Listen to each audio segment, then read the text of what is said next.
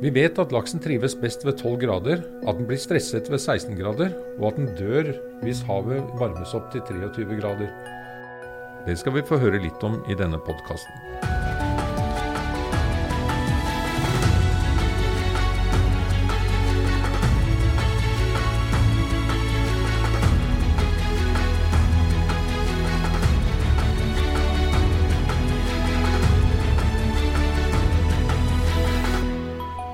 Hei og velkommen til en ny sending i Nofimas podkastserie Matnyttig forskning.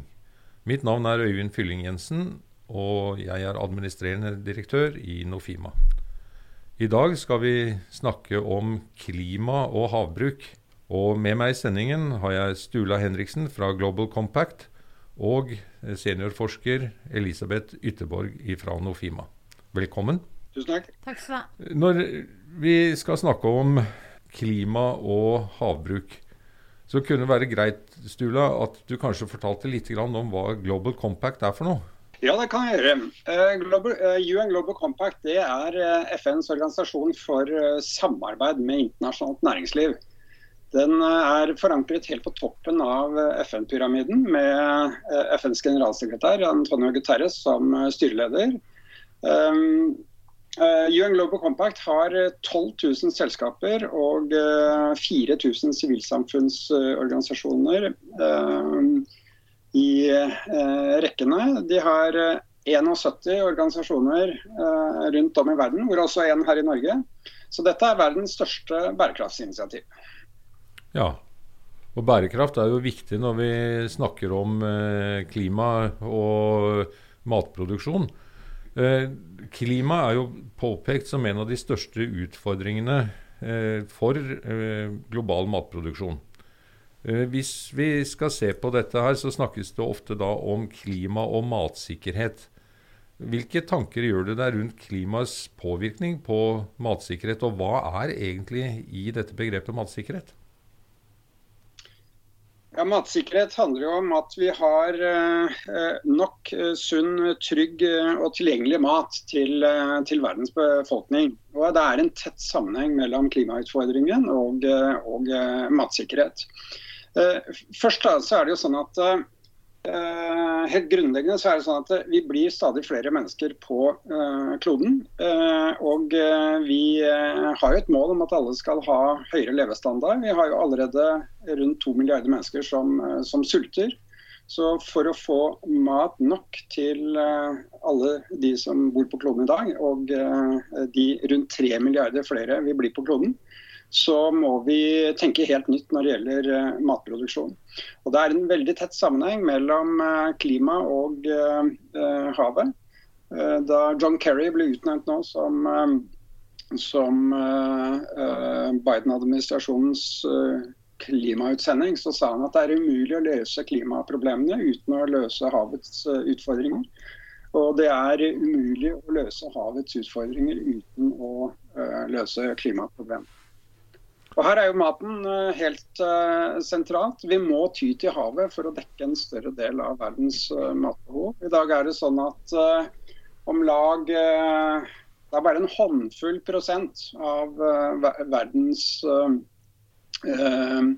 matbehov og kaloriinntak som, som dekkes fra havet. Og det må øke betraktelig fremover. Det er både fordi at eh, landbasert eh, jordbruk eh, og husdyrhold har store klimautslipp. De bruker store ferskvannsressurser. De går på bekostning av naturmangfold. Og store deler av verdens matproduksjon er jo også er jo også utsatt for eh, klimaendringer, vær eh, osv. Så videre, sånn at forsyningssikkerheten blir svekket når avlingene blir ødelagt. Så er det også sånn at uh, i dag er omtrent 90% av verdens villfiskstammer allerede enten fullt ut uh, beskattet eller overbeskattet. Så Det er bare 10% av verdens villfiskstammer vi har å gå på. Det er jo langt fra nok til å kunne eh, dekke verdens behov. Så vi må, og det betyr at vi må gå på oppdrett. Ja, så Du sier jo rett ut at akvakultur eller havbruk eller oppdrett er en del av løsningen. Men det tar meg jo over i eh, det nasjonale. For oppdrett er jo en viktig næring i Norge. Og fra ditt ståsted, Elisabeth, hvordan eh, vil du se at klima påvirker eh, oppdrett i Norge? Eh, hvordan klimaet vil påvirke oppdrett i Norge, det er veldig avhengig av hvordan utslippene våre fremover vil se ut. Men det vi vet, er jo at det skal veldig mye til for at vi klarer å innfri målene vi har satt oss i Parisavtalen, og få en maksimal økning på to grader varmere gjennomsnittstemperatur i verden. Men når det er sagt, så kan vi jo da vite med ganske god sikkerhet at verden vil bli to grader varmere, og så kan vi forberede oss på de konsekvensene som det vil medføre. Og det vi vet da, er bl.a. at eh, temperaturen vil kunne øke ganske betraktelig i de kystnære områdene hvor vi har oppdrettsanleggene våre i dag. Eh, vi har bl.a. sett i et eh, prosjekt som vi nylig har avsluttet, at temperaturen i sør kan komme opp mot det som er tålegrensen til laksen. Altså vann, kom, vanntemperaturen? Vanntemperaturen, ja. Og da mm. kom jeg litt inn på at eh, når vi ser på de store forskjellene i klimaforandringer, og drar det fra de globale perspektivene og ned til å se på konsekvensene på akvakultur, så må vi vite veldig mye om biologien til fisken. Uh, og vi vet at uh, laks, f.eks., som er den største fiskearten vi har i Norge, den trives best ved temperaturer rundt 12 grader. Og så får den, føler den økt stress når temperaturen blir 16 grader, og så kan den dø ved 23. Og hvis vi tar utgangspunkt i det, så ser vi at temperaturene kan komme over 16 grader og opp til 23 grader i sør. Eh, og det kan også forekomme langt nordover i landet, opp til Lofoten. Så klimaforandringene vil kunne føre til at vi får temperaturer som er ugunstige for lakseoppdrett i Norge. Eh, det er også andre konsekvenser. F.eks. så ser vi at eh, med økte temperaturer nordover i landet, så vil vi kunne få sånne såkalte sekundæreffekter av denne eh, økte vanntemperaturen. Som f.eks. For økt forekomst av sykdommer og parasitter. Og går vi mer i detalj på hvordan temperaturen vil kunne påvirke sesonger f.eks., eller årstiden i Norge, så ser vi at eh, økte temperaturer utover høsten og økte temperaturer i vinterhalvåret de vil jo ikke komme opp i 16 grader og 23 grader og være en fare for fisken. Men de vil kunne forlenge sesongen for f.eks. lakselus og føre til et eh, økt behov for at vi må behandle fisken oftere f.eks. Og det er skadelig for fisken og fører til redusert velferd. Men hvordan skal vi da gripe an dette perspektivet? Hvor vi på den ene siden har de globale utfordringene som Stula refererer til. Og så har vi de nasjonale utfordringene. Eh, hva skal vi gjøre? Eh, det er jo veldig mange tiltak som eh, kan iverksettes for å tilpasse seg til i hvert fall de milde klimascenarioene som vi står overfor. Bl.a. så har industrien allerede startet med å bruke dypvannsinntak for å tilføre mærende kaldt, friskt vann fra dypet. Eh, man kan også tilføre oksygenpumper f.eks. For, eksempel, for å øke oksygennivået i havet i, i merdene. Fordi eh, varmere hav det reduserer også oksygeninnholdet i havet. Og det er en utfordring for fisken, det også. Eh, men så har man, og det er raske ting man kan implementere i oppdretten for å få for å tilpasse seg litt av disse klimaforandringene. Men så har vi også langsiktige strategier som vi må se litt mer på. Og det er f.eks. Eh, offshorevirksomhet. At man kan dra mm, oppdrettsanleggene lenger ut til havs. Eller man kan lukke fisken inn i disse såkalte lukkede mær-systemene for å ha bedre kontroll på omgivelsene til fisken. Eh, man har også sett på om det er mulig å avle frem mer resistente arter som tåler høyere temperatur, f.eks. Eh, og vi har også sett litt på diversifisering, dvs. Si innføring av nye arter. Sånn at vi kan få flere ben å stå på for å takle de utfordringene vi står overfor. Men de siste eksemplene jeg nevner nå, det er mer langsiktige strategier. Og de krever eh, en innsats fra mange instanser. F.eks. må man ha finansieringskilder på plass og investorvilje. Eh, det krever mye forskning. Man må vite om biologien til fisken og hvordan den vil takle utfordringene vi står overfor. Eh, og så må vi ha da målrettede tiltak for å få dette på plass. For dette, disse kan ta tid å få på plass og implementere i akvakulturen slik den er i dag. Men ja. Så, eh, så det du sier er at det er store kunnskapshull på den ene siden i hvordan vi skal tilpasse oss den, eh, de klimaendringene som vi ser. Og på den andre siden så ser vi at det er internasjonale tiltak som må gjøres for å eh, bremse temperaturveksten eh, globalt. Mm. Så det ene er avhengig av det andre. Eh, litt som yin og yang-type eh, problematikk. Ja. Men eh, Stula, når vi ser og hører forskeren her eh, si at ja, men nede på mikronivå så må vi gjøre fisk, ta hensyn til fiskens biologi, fiskens helse, velferd osv. Hvis du trekker dette ut i det litt store perspektivet, kan vi i Norge være med på å gjøre en forskjell? Ja, jeg er helt enig i det Elisabeth uh, sier her. Og uh, vi må jo huske på det at uh, altså her, her, i Norge så tenker vi gjerne på oppdrett. Da tenker vi på laks.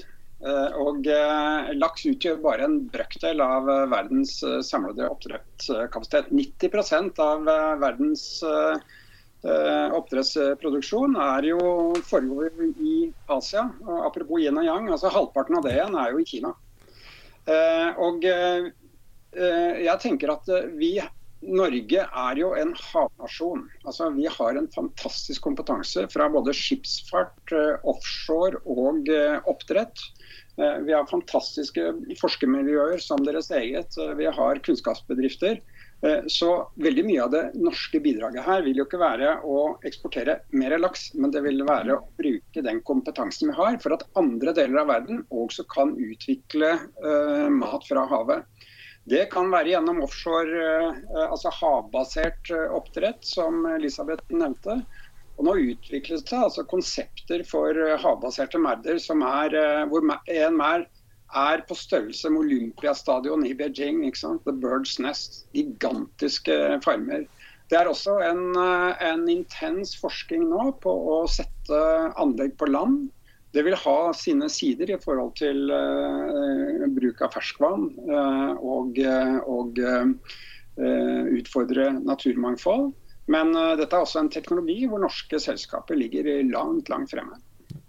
Ja, Elisabeth? Ja, jeg tenker at det Sturla sier er eh, riktig. Og hvis man tar eh, norsk lakseoppdrett som et eksempel, så er dette en, et unikt område hvor man ser en næring med sterk kapital. Og den er teknisk avansert, og den er også forskningsfokusert. Så norsk laksenæring kan gå foran som et veldig godt eksempel og ikke bare eksportere laks i fremtiden, men veldig mye gode tilpasningsstrategier og teknologiske løsninger som kan hjelpe oss å håndtere klimautfordringene. Ja. Um, unnskyld, Stula. Vær så god.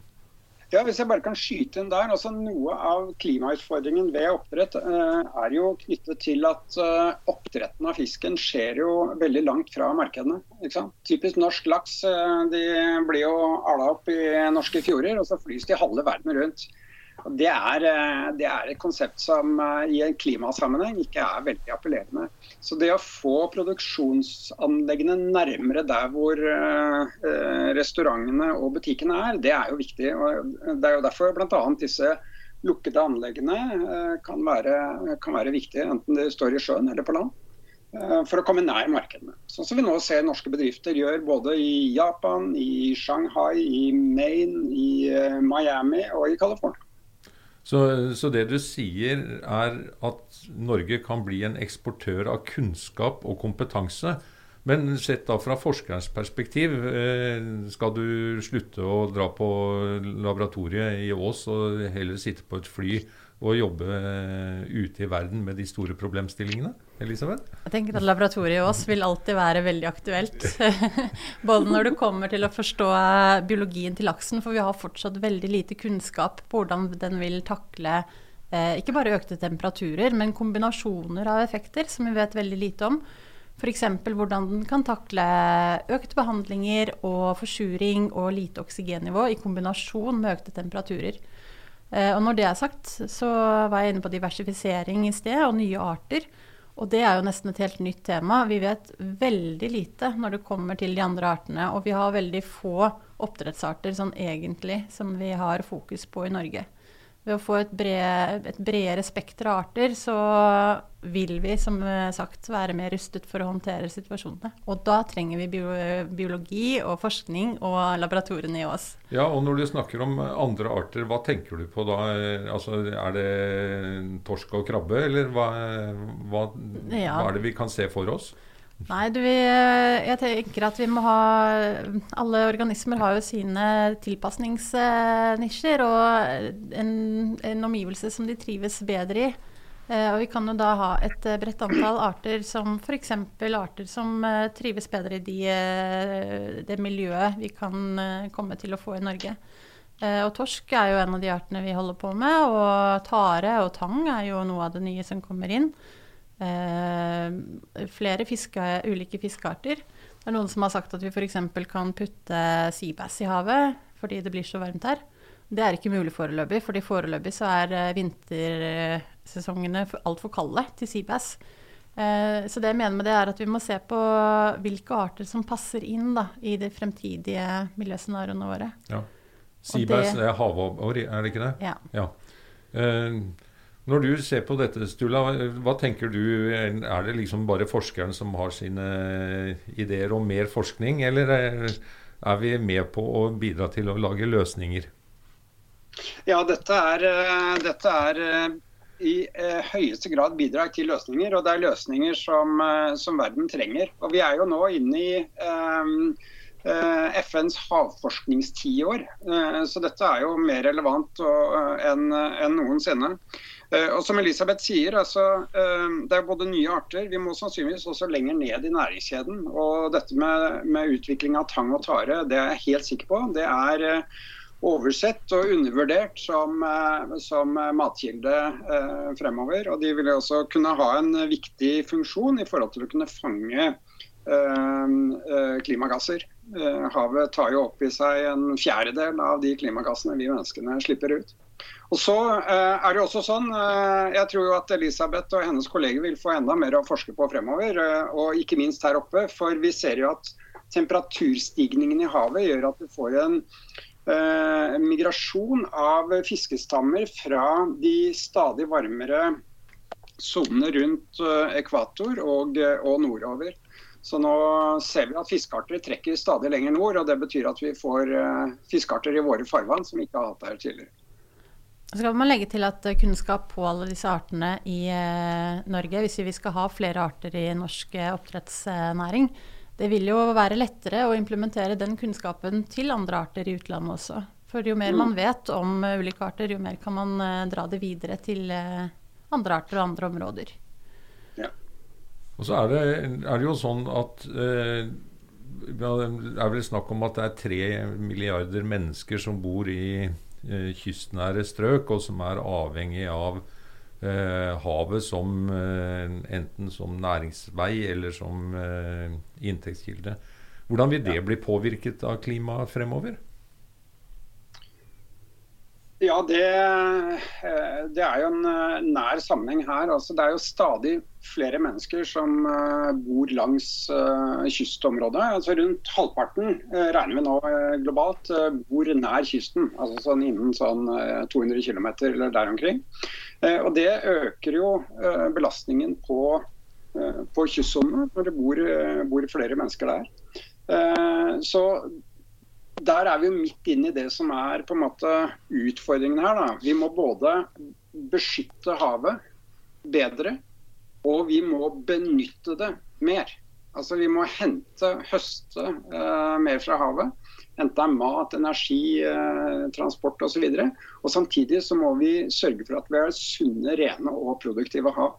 Og Det er jo ingen tror jeg, næringer som står mer i kjernen av det dilemmaet enn akkurat oppdrettsnæringen. For det er ikke eh, overskudd å hente. Eh, du får ikke svarte tall på bunnlinjen hvis du har eh, svarte hav. Nei, og det, Elisabeth snakker jo om biologien og fiskens tåleevne og organismenes tåleevne. Men hva er det som er så spesielt med Er ikke fisk som et hvilket som helst annet dyr, Elisabeth? Jo, det er jo det. Men uh, til forskjell fra oss, da, f.eks., så er jo fisken uh, den er jo kaldblodig, såkalt kaldblodig. Så den blir jo direkte påvirket av sine omgivelser. Og særlig fisk som vi har i, uh, i oppdrettsanleggene våre, den har jo ikke evnen til å rømme eller forandre miljøet sitt. Den er helt avhengig av de omgivelsene vi har satt den i, og at vi tar vare på den hele veien. Eh, så fisken i anleggene, det er vårt ansvar. Vi må sørge for at den har det bra under eh, den tiden den er hos oss. Eh, så det tenker jeg det er det aller viktigste. Vi må ha fiskens velferd i fokus når vi ser på vi skal, hvordan vi skal behandle den videre. Jeg pleier jo å si det at en fisk er en fisk så lenge den svømmer i sjøen. Når du tar den opp, så er det mat. Og det, er, eh, det kan jo være greit å ha med dette når havet er i ferd med å bli fisket tomt. Og eh, akvakultur er jo da en del av løsningen fremover. Eh, hvis vi skal gå et hakk videre, hvordan jobber du som forsker? Hva er liksom dine nye store forskningsprosjekter for å bidra til å løse de store klimautfordringene. Riktignok i det lille perspektivet, men eh, allikevel. Har du noen spennende forskningsprosjekter på gang? Ja, nå har vi fått, eh, nettopp fått innvilget et uh, nytt prosjekt der vi skal f.eks. bruke de aller nyeste klimascenarioene fra Det internasjonale panelet for klimaforskning. Der vi også får tilgang til temperaturdata fra de verst tenkelige scenarioene. Eh, og så langt så følger vi jo faktisk det verst tenkelige scenarioet, så dette her er jo ganske realistisk, egentlig. Eh, og da skal vi da se på hvordan disse scenarioene vil kunne forandre klimaet langs norskekysten. Og så skal vi se på hvordan biologien til en rekke ulike fiskearter vil eh, takle disse utfordringene. Sånn at vi kanskje kan få en litt mer innsikt i hvilke arter man kanskje kan satse på fremover i tiden. Er det et mørkt bilde du tegner, eller er det et optimistisk bilde hvis vi løser noen av de eh, pro, eh, løsningene eh, og utfordringene vi har? Uh, ja, uh, en klokere person enn meg sa at uh, jeg er pessimist fordi jeg er realist, men jeg er optimist fordi jeg vil. det ser jo mørkt ut, men jeg tenker at vi har teknologi og kunnskap til å gjøre noe med problemene. Men så langt så ser det dessverre ut som det skorter på den politiske viljen og eh, handlingskraften. Så jeg håper, eh, håper, det skjer litt mer fremover. Men det tar meg tilbake igjen til deg, Sturla. Eh, for du nevnte jo 12 000 bedrifter og en haug med organisasjoner osv. Så, videre. så er du like pessimistisk? Jeg var litt optimist òg, da. Jeg ja, tror ja. jo at vi kan eh, greie dette her, men det, en, det vil kreve en kjempeinnsats. Ja, men så bra. Mm. Ja. Nei da, det er eh, Jeg deler vel, eh, deler vel Elisabeths eh, tilnærming til dette.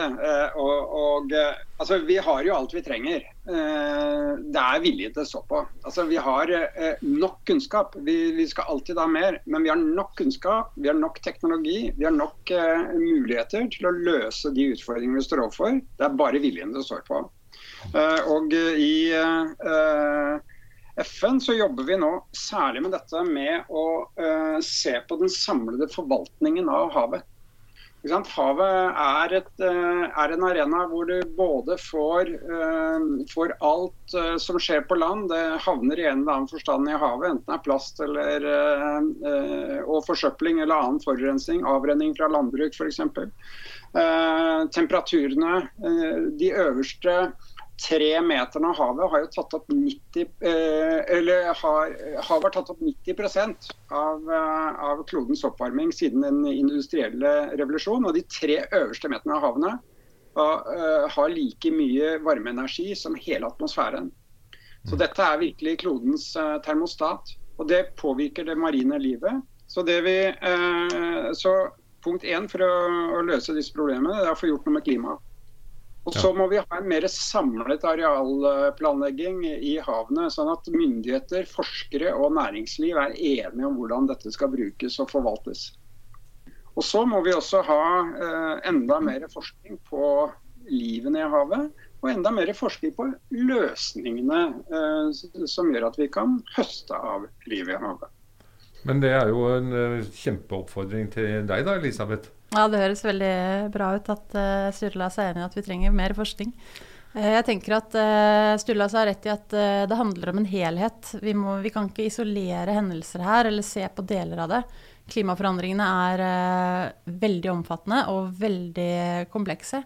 Og vi må ha tunga rett i munnen skal vi greie disse utfordringene som kommer. Alt fra det globale perspektivet til klima til fiskens biologi. Så det er så mye her som vi må ta hensyn til. Uh, og det nytter ikke å være såkalt kvasi-bærekraftig, at man ikke er, har bærekraft i alle ledd. Man må virkelig gå inn for at hele systemet skal være bærekraftig. Fordi det er hele forskjellen. Enten så kan vi få alt til alle til alt er borte. Eller så kan vi få alt til alle i evig tid. Og det er forskjellen på de to, tenker jeg da. Ja, Det er jo en fantastisk eh, visjon. Eh, alt til alle til evig tid. Ja. Eh, tusen takk eh, til deg, Elisabeth. Tusen takk til deg, Stula, for at dere var med på denne sendingen. Matnyttig forskning fra Nofima.